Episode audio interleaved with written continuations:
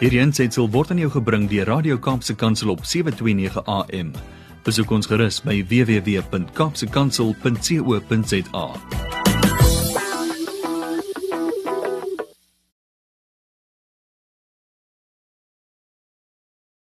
En nou is jy by 'n plek waar jy miskien voel, ja, dis nou al goed en wel. Miskien is ek nie so stukkend en kan ek myself opkry van daar af. Ons staan op. Maar ek weet nog steeds nie regtig wat die Here het om mee te werk hier binne nie. Sien, maar voordat ons daar kom en ry en die aanbiddingsspan van Kerk sonder mure om jou daar te kry.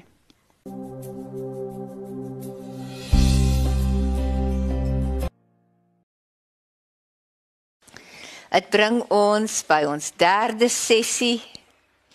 En ek wonder of julle ons wagwoorde kan onthou. Staan op. Styg uit. Derde een is staan vas. Goed, dis die 3 S'e en jy gaan hulle nie vergeet nie. Hulle gaan in die toekoms woorde word waarmee jy jou vriendinne opbeur en versterk, jou dogter skakel en vir haar sê staan op, styg uit en staan vas want die koning van die heelal woon en werk deur jou. Geliefdes, in hierdie sessie, in die staan vas sessie, anker ons ons eien vir onsself toe wat die Here vir ons gee. So baie van die waarhede in die skrif, soveel oorwinnings wat die Here ons al laat behaal het, raak in die vergetelheid weg. Omdat ons dit nie vasgemaak het nie. Ons het nie vasgestaan daarin nie. Ons het dit nie geanker nie. Ons het dit nie geëien nie. En daarom elke keer, elke keer en ek wil dit nog 'n keer sê elke keer wanneer die Here vir jou 'n deurbraak gee anker dit. Maak dit vas.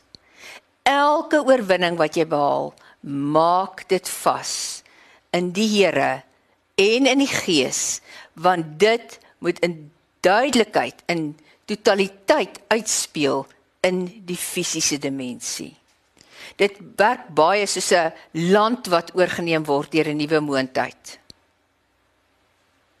Daardie oorwinning wat behaal word, word vasgemaak. Die land is onder nuwe beheer. Die grondgebied van jou lewe is onder nuwe beheer. Die Here Jesus regeer, die banier van sy naam is oor jou lewe uitgeroep. Dis nuwe grondgebied. Maak dit vas. Anker dit. Want as die wind waai, gaan die anker keer dat dit wegwaai. So ek gaan nou vir julle stap vir stap deur Ester en Mordegai se stappe, hulle metode, die manier waarop hulle ontvang het. Begelei en ons gaan saam ontvang hoe maak 'n mens vas wat die Here vir jou gegee het. Nou, allereers Ester en Mordegai moes hulle self beskikbaar maak om rolspelers te wees in die uitrol van God se plan. God se plan was daar. Maar dit kon alleen uitrol op aarde omdat daar rolspelers was wat hulle self beskikbaar gestel het. So dis belangrik. As jy 'n verskil wil maak in die wêreld vir die Here, moet jy jouself as rolspeler beskikbaar maak vir sy plan. Hier gaan dit nie daaroor of ek het 'n plan en nou moet die Here my plan uitvoer nie. Hier gaan dit daaroor God het 'n plan en ek wil in sy plan beweeg want in sy plan is voorspoed, is lewe, is blydskap, is oorwinning, is alles opgesluit wat ek nodig het, meer as wat ek vir myself kon toeëien is in God se plan vir my lewe. God het 'n droomplan vir jou lewe. Sê dit net bietjie vir jouself, want miskien het jy dit nog nie besef nie. God het 'n droomplan vir my lewe. Moet dit nie dink nie. Sê dit. God het 'n droomplan vir my lewe. Hy het jou nie net laat gebeur nie. Hy het oor jou nagedink voor jy gebore is. Hy het 'n droomplan vir jou lewe. Jou lewe is deel van die geskiedenis wat uitrol in hierdie eeu waarin ons leef. En jy het pertinente aksies binne in daardie geskiedenis van God se plan wat net deur jou vervul kan word. Niemand anders nie. Sonder jou is dit so 'n legkaart met 'n stukkie wat uitgehaal is. En jy wil dit nie hê nie. Want as die legkaart bymekaar kom, dan eers kan almal die volle prentjie sien. En dis waar jy wil wees. So die oomblik toe die Here die bose se planne aan Ester en aan Mordegai onthul, wat is die eerste ding wat hulle doen? Hulle haal hulle oë onmiddellik van die bose plan af. Hulle kyk nie daarna nie. Hulle storm die hemelse dimensie met vas en gebed. Ons het dit in die begin ook vir mekaar gesê, waar is jou fokus? Die oomblik wanneer jy 'n situasie in die oë moet kyk, 'n uitdaging moet hanteer, waar is jou fokus? En nou onmiddellik weet hulle, hulle kan nie vir die vyand kyk nie. Hulle kan nie kyk waar jy nou op pad is nie. Hulle moet onmiddellik na God toe hardloop. Nou wat ek hier baie duidelik kategories wil sê is, ons gebruik nie vas en gebed om die Here se arm te draai nie. Dis nie kom ons vas en bid nie. Ons vas en bid om onsself te belyn met sy plan. Want jy moet jouself op 'n plek kry waar jy begin oopgaan vir wat die Here wil onthul. Hy wil vir jou wys hoe jy hierdie saak moet hanteer. En dit gebeur met vas en gebed. Vas en gebed gaan nie oor wat jy met God doen nie. Vas en gebed gaan oor wat God met jou doen. Jy word stil. Jy gaan eenkant. Jy soek die Here. En terwyl jy op hom wag, openbaar hy aan jou wat jy volgende moet doen. Hoe jy volgende moet optree. Dit is die moeilikste gedeelte van gebed. Die maklikste gedeelte van gebed is stort my hart voor die Here uit. Vertel hom van alles wat verkeerd is. Vra hom om reg te maak. Dis die maklike deel van gebed. Maar geliefde, die moeilike deel van gebed is net so belangrik, indien nie belangriker nie. Nou wag jy op die Here om aan jou te onthul hoe hy jou situasie van wat ook al na oorwinning wil neem. En hier speel daardie stil stil stem in jou binneste wat jy miskien nie besef die stem van die Heilige Gees is nie 'n baie groot rol. Moenie beweeg solank jy onvrede het nie.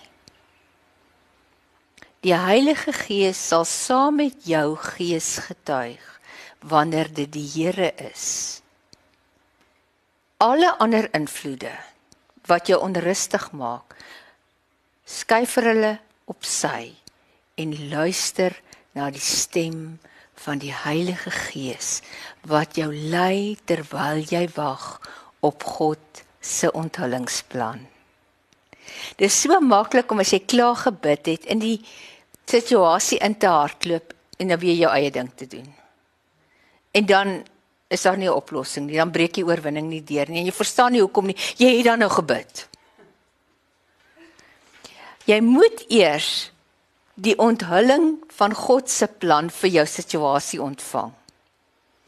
En julle sal onthou in een van die vorige sessies het ek vir julle gesê Esther en Mordegai se plan of althans se gebed was so groot God moet 'n hele nasie skuif. Daarom moet dit julle nie verras dat die perderuiters wat uitgery het om nadat Ahasveros toegestem het dat Ester hulle maar die Jode mag inlig dat hulle hulle self mag verdedig. 9 maande voor die datum waarop die werklike aanval plaasgevind het gebeur het nie 9 maande Die tyd wat jy wag vir 'n baba om gebore te word, so lank. En nou vra jouself af, hoekom so lank? 9 maande. Want geliefde, as jy byvoorbeeld in Daniël lees, in Daniël hoofstuk 9, dan kom jy agter wat agter die skerms moet gebeur om jou gebed te verhoor as jy vir nasies bid. Daniël het gepleit vir die redding van Israel en dat hulle sal teruggaan na Jerusalem toe. Op 'n stadium kom Gabriël by hom aan. En hy sê vir Daniël: "Daniël, ek het vir 3 weke lank geveg teen die prins, die bose prins wat oor Persië regeer. Die prinsipaliteit wat teen Persië regeer. Uit uiteindelik het Michael, die aanvoerder van die hemelse leer gekom en my kom help. Dis hoekom ek nou kon deurkom om vir jou te sê hou moet van jy begin bid het die Here jou gebed gehoor. In daai 3 weke terwyl Daniël wag op God om sy plan te onthul, veg die bose magte in die lig om God se plan uit te rol omdat mense vir die bose grondgebied gegee het en hom toelaat om te regeer. So geliefde, moenie moedeloos word as jy wag op die onthulling van hoe God wil hê jy 'n saak moet adresseer nie. Vlug na hom toe met jou versoek en wag op die uitkoms wat hy wil bewerkstellig. En onthou nou hoe ons gesê ontvang jy dit. Jy ontvang dit deur te luister na die stil sagte stem in jou binneste en deur slegs te beweeg wanneer jy vrede het. Ons gaan weer Ester se lewe gebruik as 'n voorbeeld. Ester het uiteindelik na haar 3 dae van vas en gebed saam met haar diensmeisies, haar oom Mordegai en al die Jode van Susan oortuig gevoel dat sy nou maar na die koning toe mag gaan. En sy het hulle uitgenooi om by haar toe kom kuier. Die koning en Haman wat die oorspronklike proklamasie aangevra het dat die Jode uitgewis moet word. Nou ek weet nie of jy die storie van Ester goed ken nie, maar wat gebeur het is Haman was nou baie belangrik in die koninklike hof en Mordegai wou nie voor Haman buig nie. En Haman wou graag hê Mordegai moet voor hom buig, maar 'n Jood buig net voor sy God. En daarom kon hy nie voor Mordegai buig nie. Dit was nie so seer arrogansie nie as eerbetoon dat ek sal net voor die Here buig. En dit het Haman woedend gemaak. En op grond daarvan het hy gevra dat die koning asseblief 'n proklamasie moet uitvaardig om die Jode uit te wis want die Jode eer nie die Persiese stelsel nie. Die koninkryk van Persië het gestrek van Indië tot by Ethiopië destyds. Dit was 'n magtige wêreldryk. Iewers in die Bybel moes daar 'n klein foutjie plaasgevind het in die oorskryf van die Bybel. Ons is nie seker in watter een van die twee hoofstukke dit plaasgevind het as jy die storie van Ester lees nie. Maar op die een plek staan daar daar was 177 provinsies. En op die ander plek staan daar daar was 127 provinsies. In die Hebreëus nê is die taal so fyn dat elke doetjie jota of titel jota is daai klein tekentjie titel is die punt dat as 'n vlieg op 'n perkament sou gaan sit kon 'n woord verander. En sy merkie daar los. So dat daar sulke goed gebeur het is so, maar dit was 'n magtige majesteuse koninkryk waaroor Ahasveros regeer het. Tussen 127 en 177 provinsies. En sy nooi nou vir Haman en vir die koning om by haar te kom kuier want sy wil graag haar hart met die koning deel. En ons lees daarvan in Ester 7 vers 1 en 2. Die koning en Haman het by koningin Ester aangekom om saam met haar te eet. Terwyl hulle besig was om wyn te drink, vra die koning weer vir Ester: "Wat wil koningin Ester van my hê? Jy kan enige iets kry, al is dit die helfte van my koninkryk."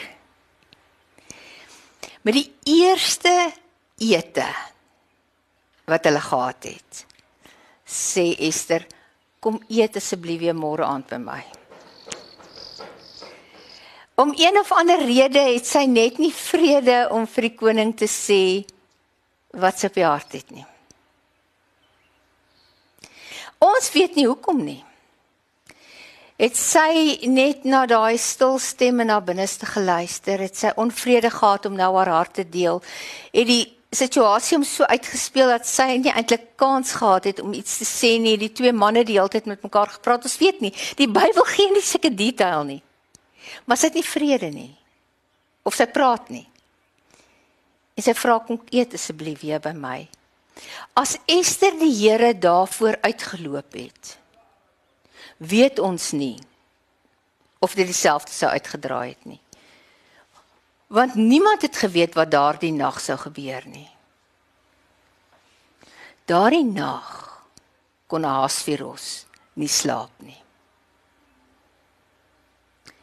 Hy roep toe sy dienaars en sê: "Bring vir my die geskiedenisboeke. Want ek wil graag hê julle moet vir my daai voorlees, ek kan nie slaap nie." En hulle lees vir my die geskiedenisboeke voort. En terwyl hulle hom voorlees, hoor hy dat Mordegai, die Jood, sy lewe gespaar het toe twee manne hom wou doodmaak en dat Mordegai nooit daarvoor vergoed is nie. Nou is die tafel gedek. Die volgende oggend kom Haman daarin. Hy's baie opgewonde. As jy nou Ester se storie gaan lees, dan gaan jy nou agterkom, jy moet tog die Bybelboek gaan deurlees na hierdie Ester konferensie as jy nog nie het nie. Maar kom julle agter hoe opgewonde hy was, hoe hy gegaan het en vir sy vrou en almal vertel het hoe belangrik hy is dat die koning hom so hoog ag, dat Ester hom nou al vir die tweede keer vir 'n ete genooi het en dat hy vandag vir die koning gaan vra om asseblief Haman te vermoor. Hy klaar 'n galgebou vir Haman. Ag ekskuus, vir Mordegai. Haman het klaar 'n galgebou vir Mordegai en hy gaan hom ophang. So kom Haman by die koning aan, gereed om te vra: "Ag gee asseblief Mordegai in my hand." En die Here sê: "Haman, wat sal jy doen met iemand wat jy graag wil vereer?" Onmiddellik dink Haman: "O, die koning praat van my." En hy vertel vir die koning hy moet koninklike klere kry, hy moet op 'n perd rondgery word of gelei word in die stad en mense moet hom eer koning sê gaan en doen dit asseblief vir Mordegai. Want die Here wil ag die Here gryp in en die koning kry uiteindelik die geleentheid om dankie te sê. En daardie aand Daardie aand is die koning se hart sag teenoor die Joodse volk want 'n Jood het sy lewe gered. Toe hulle nou weer by Ester is. En hy weer vir haar sê: "My koningin Ester, wat wil jy hê? Ek sal jou die helfte van my koninkryk gee. Wat wil jy hê?" Toe antwoord sy: "U Majesteit Ester 7 vers 2: As u my genadig wil wees en as dit vir u reg is, dan vra ek: Spaar asseblief my volk." se lewens. Dis dit maklik om ja te sê. Want God is besig met 'n plan en wie saam met hom beweeg, ontvang uit sy hand veel meer as wat ons kon dink of bid. Daarom geliefde, nadat jy die hemele storm geloop het, wag op die uitkoms wat die Here wil bewerkstellig. want daardie uitkoms bevat 'n mandaat. Hier is 'n belangrike woord. Die uitkoms wat die Here wil bewerkstellig, bevat 'n mandaat. Ek het 'n boekie geskryf Hemelse Hofsaal en as jy hom dalk wil lees, hy is op um Amazon beskikbaar. Maar Hemelse Hofsaal verduidelik 'n bietjie beter hoe werk sake wat ons voor die Here petisie wanneer ons by hom gaan pleit om asseblief in te gryp want ons kry nie 'n deurbraak op hierdie saak nie. Hier's nie 'n uitkoms nie. Ons weet nie om hierdie oorwinning te behaal nie. Maar wanneer 'n mens die hemelse hof met jou gebede betree en vir die Here vra asseblief Here, hierdie saak is uitstaande in u koninkryk. Hierdie twee mense praat nou al vir jare nie met mekaar nie. Hierdie baas van my bly oneerlik. Hierdie situasie is vir my ondraaglik. Hierdie plan breek nie deur nie. Hierdie kind bly vasgevang in hierdie of daardie situasie. Hierdie bande hou aan bind. Here asseblief, breek ons nou deur. Dis 'n petisie wat jy voor die Here bring, wat jy pleit vir 'n deurbraak. Wanneer die Here daardie gebed verhoor, word daar in die hemelse dimensie 'n mandaat vrygestel. Daai mandaat bevat 'n klomp baie belangrike gawes wat jy nodig het om daai mandaat uit te rol. In daardie mandaat is opgesluit watter engele God aangaande jou gaan opdrag gee om hierdie saak vir jou te help veg. Jy met Daniël se lewe van Daniël 9 af tot by hoofstuk 11 bestudeer om dit te verstaan. Ek sal weer daaroor preek en ek sal dit beskikbaar maak op die internet.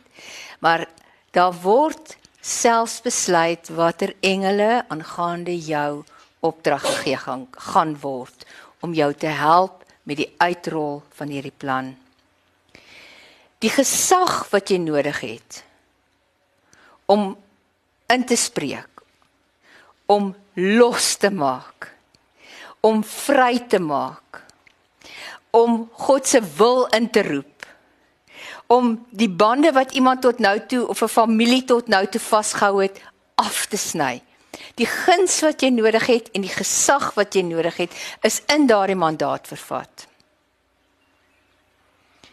Dis alles deel van hoe God jou gaan in staat stel om in die oorwinning wat hy vir jou gereed gemaak het in te tree. Dit gaan vir jou deure oopmaak. Maar nou moet ons baie mooi fokus. Want as ons nie hier reg fokus nie, kan ons 'n fout maak. Die koning sê vir koningin Ester: "Wat wil jy hê?" Die helfte van my koninkryk.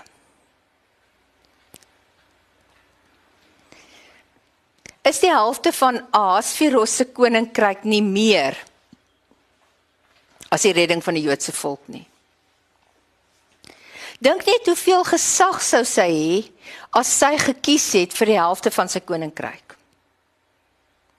Dink net wat sou sy alles kon vermaag, want sy sou net soveel gesag hê as haar man, die koning. Die helfte van al die provinsies sou onder haar gesag gewees het. Sy sou 'n vrou met ongelooflike mag gewees het in 'n wêreld toe vrouens geen gesag gehad het nie of sou sy. Of dit die Heilige Gees is want hy was altyd werksaam van die begin af. Want ons lees al van hom in Genesis 1 dat hy gebroei het oor die waters. Hy's nie eers uitgestort die eerste maal in die Nuwe Testament nie ja toe weer of dit die gees was wat haar gelei het of dit onvrede was en of sy net nie gedink het sy kan dit doen nie. Ek weet nie wat haar laat kies het nie maar onbewuslik of bewuslik het sy reg gekies want in haar petisie was haar mandaat vasgemaak. Sy het gevra vir die redding van die Joodse volk. As sy gekies het om te gaan vir die helfte van die koninkryk was daar nie noodwendig die guns wat sy nodig gehad het om God se reddingsplan uit te rol nie.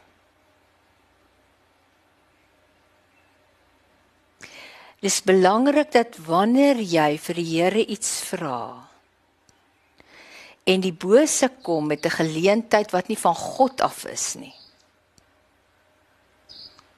om jou op 'n dwaalspoor te sit dat jy bly by dit waarvoor jy die Here vertrou het.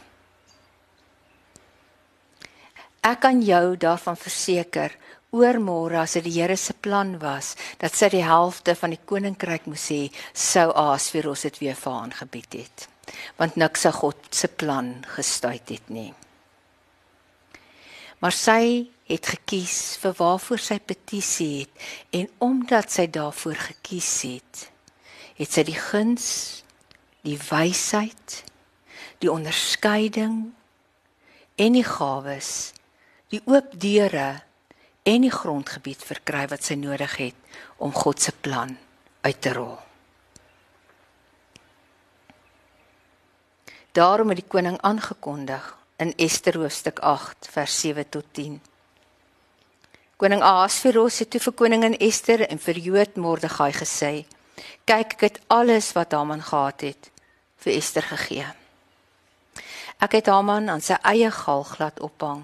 Die Here sal altyd die bose in sy eie stryk vastrek omdat hy die Jode wou uitroei. 'n Proklamasie wat reeds in die naam van die koning uitgevaardig is en met sy seelring bevestig is." Kan nooit herroep word nie. Maar gaan julle nou en hoor nou net wat kry hulle alles. Gaan julle nou en skryf 'n brief aan die Jode met julle plan. Skryf dit as 'n verdere proklamasie in my naam. En verseël dit met my seelring. So wat hulle hier ontvang is dieselfde gesag as die gesag wat die koning het. Die sekretarisse van die koning is ontbied. Hulle moes alles neerskryf wat Mordegai vir die Jode, die amptenare van die koning, die goewerneurs en die leiers in die 177 provinsies van Indië tot by Ethiopië wou laat weet. Mordegai het namens koning Ahasveros laat skryf en die briewe met die koning se seelring verseël. Die briewe is met boodskappers op resiesperde uit die koning se stalle gestuur. sien julle wat kry Ester alles? Sy kry alles wat sy nodig het om dit waarvoor sy petisie het uit te rol. Nou is dit op hierdie stadium die 3de week van Junie. Toe hierdie resiesperde uitry oor die hele ryk van Mede en Perse. Die Jode kry nou opdrag, hulle mag hulle self verdedig. In die volgende 9 maande moet daar iets in hulle binneste gebeur. En dis waaroor hierdie sessie gaan. Wanneer jy 'n ou babietjie verwag, dan ontspring daar in jou nuwe lewe. Dit vat 9 maande. Nuwe lewe vir wat uiteindelik in 'n menslike gestalte gebore word na 9 maande. Die Jode kry 9 maande om die vergunning dat hulle hulle self mag verdedig te eien. Vas te maak. Daarin vas te staan voordat hulle kon vas staan in wat God vir hulle wou gee, moes hulle eers opstaan in die woord wat oor hulle uitgegaan het. Julle mag julleself verdedig teen die werke van die gees van die dood. Julle mag julleself verdedig. Staan op. Want wanneer jy opstaan in die naam van God om sy plan vir julle lewe uit te rol, sal jy uitstyg bo julle vyande. Styg uit. En dan moet jy vasmaak die oorwinning wat die Here vir julle gegee het. En dis presies wat Ester en Mordegai doen. Die Jode staan toe op in die eerste week van Maart die volgende jaar. Nie een Jood sterf nie. Maar hulle vyande word totaal oorwin. Hulle styg toe nou uit bokant hulle vyande. En toe sê Ester en Mordegai: "Nou is dit verskriklik belangrik dat julle dit vasmaak. Hier in hierdie oorwinning moet ons vas staan." Ek wil vir jou sê, wanneer jy die Here vertrou vir 'n deurbraak, dan is hierdie volgende stap baie belangrik. Wat was die eerste ding wat die ouens wat op die maan geland het gedoen het om die maan te eien vir Amerika? Plant 'n vlag. Plant 'n vlag elke keer wanneer die Here vir jou 'n oorwinning gee. Maak dit vas. Sê hierdie stuk grondgebied is nou onder goddelike beheer. Hier regeer God. Nie 'n mens nie. Geliefde, ek het agtergekom dat soos wat ons opklim teen die berg van geloof, as jy nie elke keer wanneer die Here vir jou oorwinning gee, dit vasmaak, anker en eie nie, dan word daardie oorwinning nie 'n platform van waar jy hoër kan klim op die berg van geloof nie. En volgende jaar veg jy dieselfde geveg hoor en jy gaan nie weer nie. Want Esters is vroue deur wie die Here regeer. Daarom maak vas wat hy vir jou gee. Daai oomblik wanneer daai verhouding herstel het, maak dit vas in die gees sodat die bose nie weer kan kom steel nie. Maak dit vas. Hierdie grondgebied behoort nou aan die Here. Verklaar dit. Hulle het nog meer gedoen. Hulle het gesê en ek ek wil jou aanbeveel om dit te doen. Hulle het gesê kom ons vier dit elke jaar. Ons gaan nie net hier 'n vlag plant nie. Ons gaan elke jaar by die vlag kom staan. En ons gaan sê hier het die oorwinning in die Here se naam deurgebreek. Hier het ons die banier van Jesus se naam oor ons lewens sien manifesteer. Ons lees hoe daar in Ester 9 vers 29 tot 32 geskryf word. Koningin Ester Die dogter van Abigail en die Jood Mordegai het met vol gesag, sien jy hulle het nou vol gesag.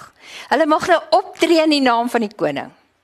'n Brief geskryf om die reëlings oor Purim, want dis wat hulle die fees genoem het, om elke jaar te herdenk dat die Here die oorwinning gegee het om die reëlings oor Purim te bevestig. Mordegai het afskrifte van die brief aan al die Jode in al 127 provinsies van koning Ahasveros gestuur om hulle heil en voorspoed toe te wens.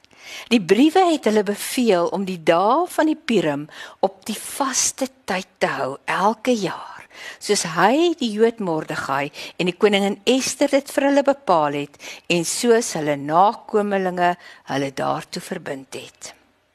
Daar was ook voorskrifte oor hoe hulle moes vas en na God om hulp moes roep.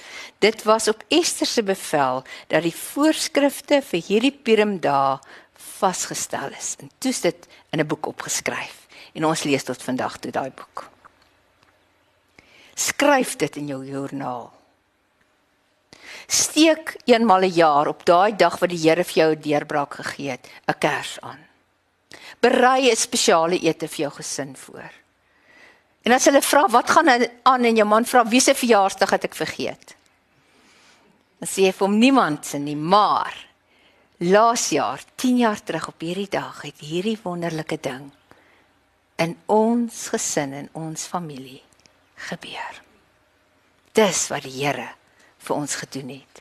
Vier julle feesdae. Wanneer die Here 'n oorwinning gee. Wanneer die Here 'n deurbraak gee. Moenie die mense wat saam met jou geloop het vergeet nie. Dit gebeur baie keer nê dat wanneer die Here vir ons die oorwinning gee en hy ons deurbreek op 'n volgende vlak dat daar skielik 'n klomp mense om ons versamel wat nou saam met ons op hierdie nuwe vlak opereer. En dan dit die maklikste ding onder die son om die ouens wat jou tot hier toe gebring het agter te laat. Moenie te doen nie. Eer hulle wat saam met jou gebid het. Wat saam met jou gevas het. Wat saam met jou gehuil het wat daar was vir jou. Eintlik wil ek vir jou sê, daar's niemand wat ooit jou hele lewe saam met jou gaan wees soos jou familie nie.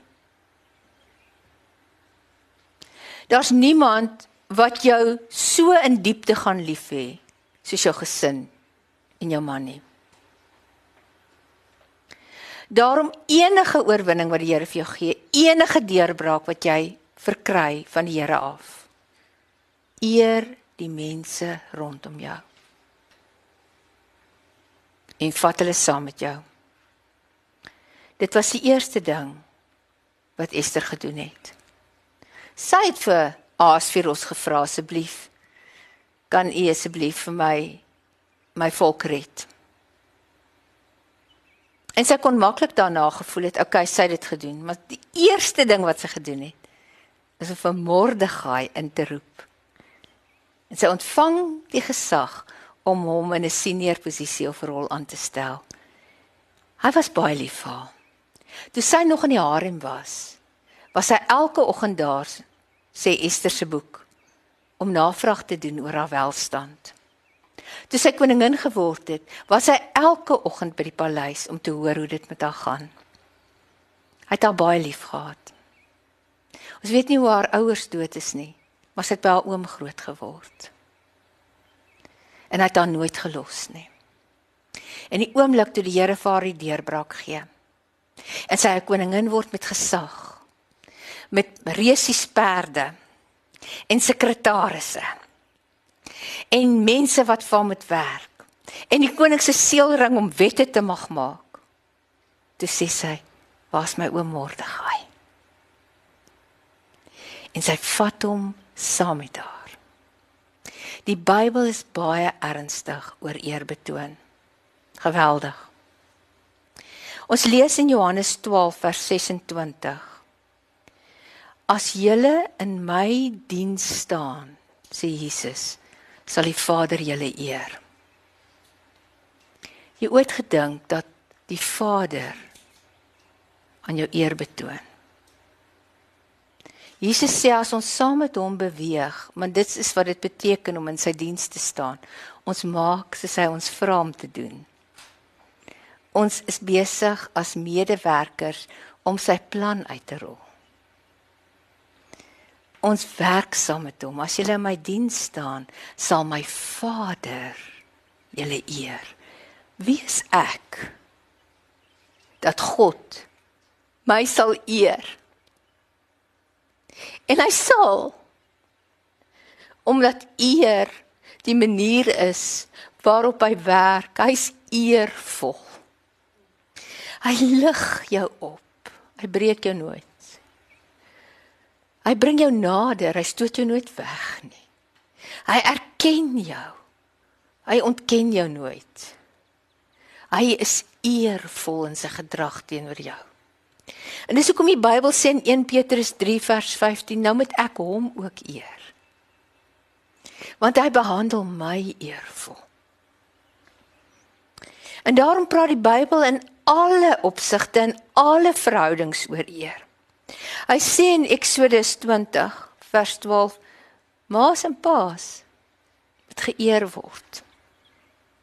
Eer jou vader, eer jou moeder. Hy sê ons moet diegene wat oor ons aangestel is eer. Selfs regerings wat ons teleurstel, moet ons met eer hanteer. 1 Petrus 2 vers 17. Hy sê werkgewers moet hulle werknemers eer. En hy sê werknemers moet hulle werkgewers eer. Efesiërs hoofstuk 6 vers 5. Hy sê vaders moet hulle kinders eer. Kolossense 3 vers 21. En hy sê oneervolle gedrag blok jou gebede. 1 Petrus 3 vers 7. As jy wonder hoekom jou gebede nie verhoor word nie, kyk na jou gedrag. Jy besig om oneervol teenoor iemand op te tree. Partymal is dit net so klein soos 'n belydenis en die oorwinning breek deur. Geliefde. In hierdie sessie is ons aksiewoord. staan vas. Want ons moet vasmaak en ons moet eien. So staan op.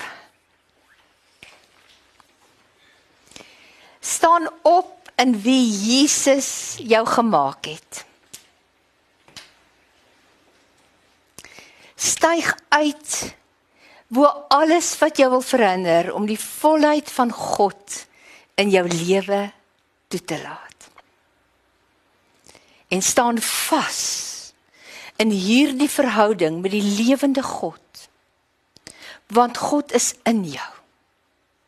En nou gaan ons daai vers binne in ons vasmaak wanneer ons Kolossense 2 vers 9 uitbou na Kolossense 2 vers 9 en 10.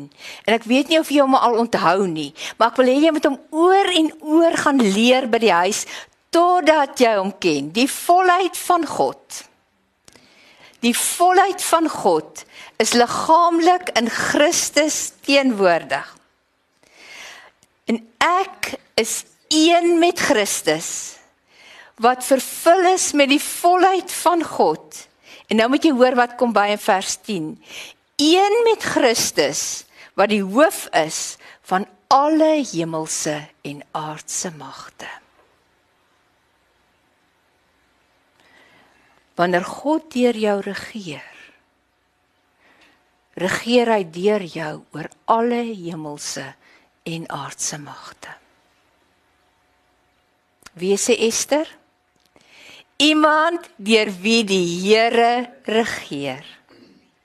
Verstaan jy dit maak ons nie arrogant nie. Dit maak ons afhanklik.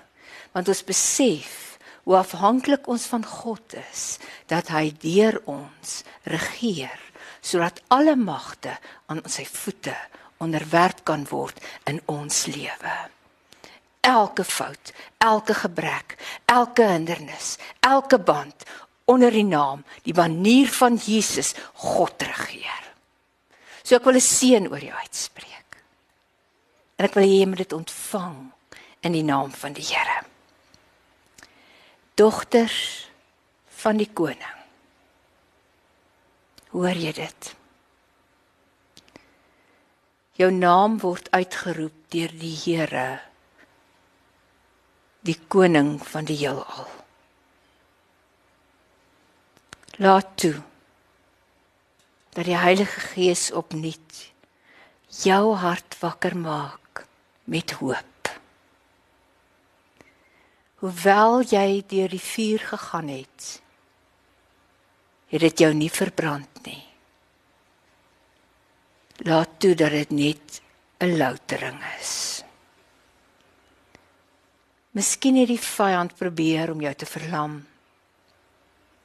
Maar vandag ja van vandag af sal jy vlugvoetig op die ritme van God se hartklop beweeg. Jy is deel van 'n beweging van Esters wat nie gestop kan word nie. Want ons kies om saam met die koning van die heelal te beweeg.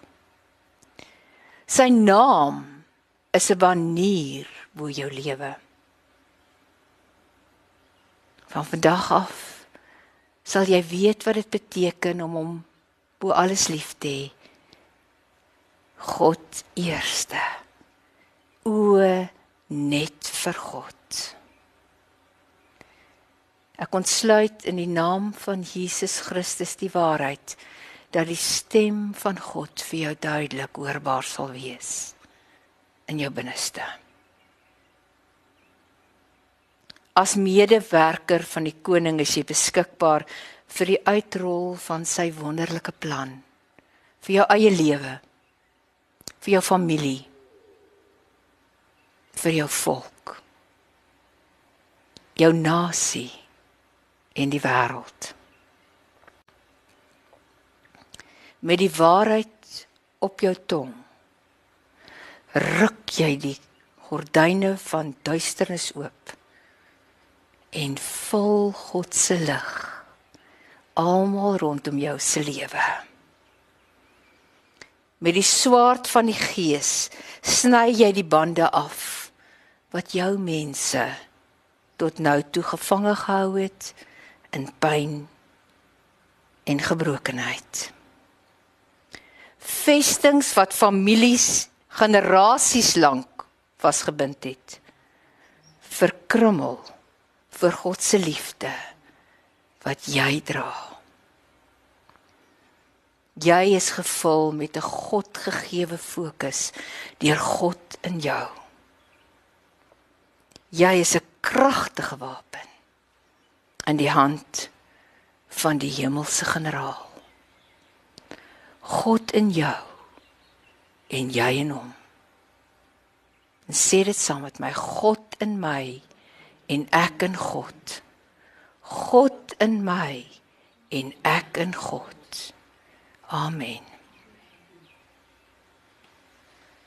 Geliefdes, kom ons sluit af met die oorwinningslied. Ek hoop dit was vir jou baie betekenisvol. Ek hoop jy daai drie aksiewoorde onthou: staan op, styg uit, staan vas. Kyk, ek het notas geneem. Ek hoop jy het ook notas geneem dat jy dit kan onthou vir al daai skrif, Kolossense 2 vers 9 en 10. Die volheid van God is mos liggaamlik in Christus teenwoordig en omdat jy een is met Christus, deel jy in sy volheid hy wat die hoof is van elke heerskappy en gesag. As daar 'n paar goed is wat ek net voel, ons moenie vergeet nie. Elsa het gesê plant 'n vlag. Plant 'n vlag. Ons gaan hom vier. Jy weet vandag se datum is die 13de Februarie. Maar wat ook al die datum is waarop jy hom nou kyk, hierdie sessies. Neem notisie. Onthou hom en vier hom. Kyk wie's om jou vandag. Vier dit saam met hulle. As hierdie vir jou iets beteken het vandag, dis die lekker van iTickets. Dit is 'n link. Mens kan dit aanstuur vir almal. Die hele Ester konferensie gaan vir 3 weke aanlyn beskikbaar wees. Hoe lekker is dit? So vir 3 weke kan jy nog steeds kaartjies koop. Al jou vriendinne kan kaartjies koop en jy kan na die sessies kyk oor en oor. Ek ken Elsa se sessies. Sy sê baie in 'n sessie. So mens moet dit kan oor en oor kyk. So dis 'n voorstel nommer 1. Nommer 2. Sou julle 10 in die kamer wees. Een van julle het nou die kaartjie gekoop en almal kyk nou lekker saam. Wil julle nie bietjie dit miskien oorweeg om al 10 bietjie by te dra nie? En al wat jy kan doen, daar's eintlik verskeie maniere. Op iTickets se blad waar jy jou kaartjies in die hande gekry het aanvanklik, kan jy 'n donasie lewer. Daar is 'n SnapScan prentjie op die skerm en natuurlik kan jy daar gaan en hom net in Zoom op die foon, Snapcam chop chop en jy kan bietjie bydra tot die Ester konferensie of jy kan gaan na turntogod.co.za. Daar is al die uh, die bankbesonderhede en alles wat jy nodig het om ook te kan bydra. So, as jy 'n Bybelstudie het, hoe lekker is dit? Jy kan vir 3 weke lank deelneem. Jy vat een sessie per een sessie en dan met 'n Bybelstudie kan jy hier deurwerk. So al die geleentheid in die wêreld om te kan saampraat, die Esters te gaan haal en hulle te aktiveer om ietsie te doen. Jy moet 'n wonderlike res van jou dag hê. Onthou, turn to God.co.za. En shalom. Hierdie ensitsel is aan jou gebring deur Radio Kaapse Kansel op 729 AM. Besoek ons gerus op www.kaapsekansel.co.za.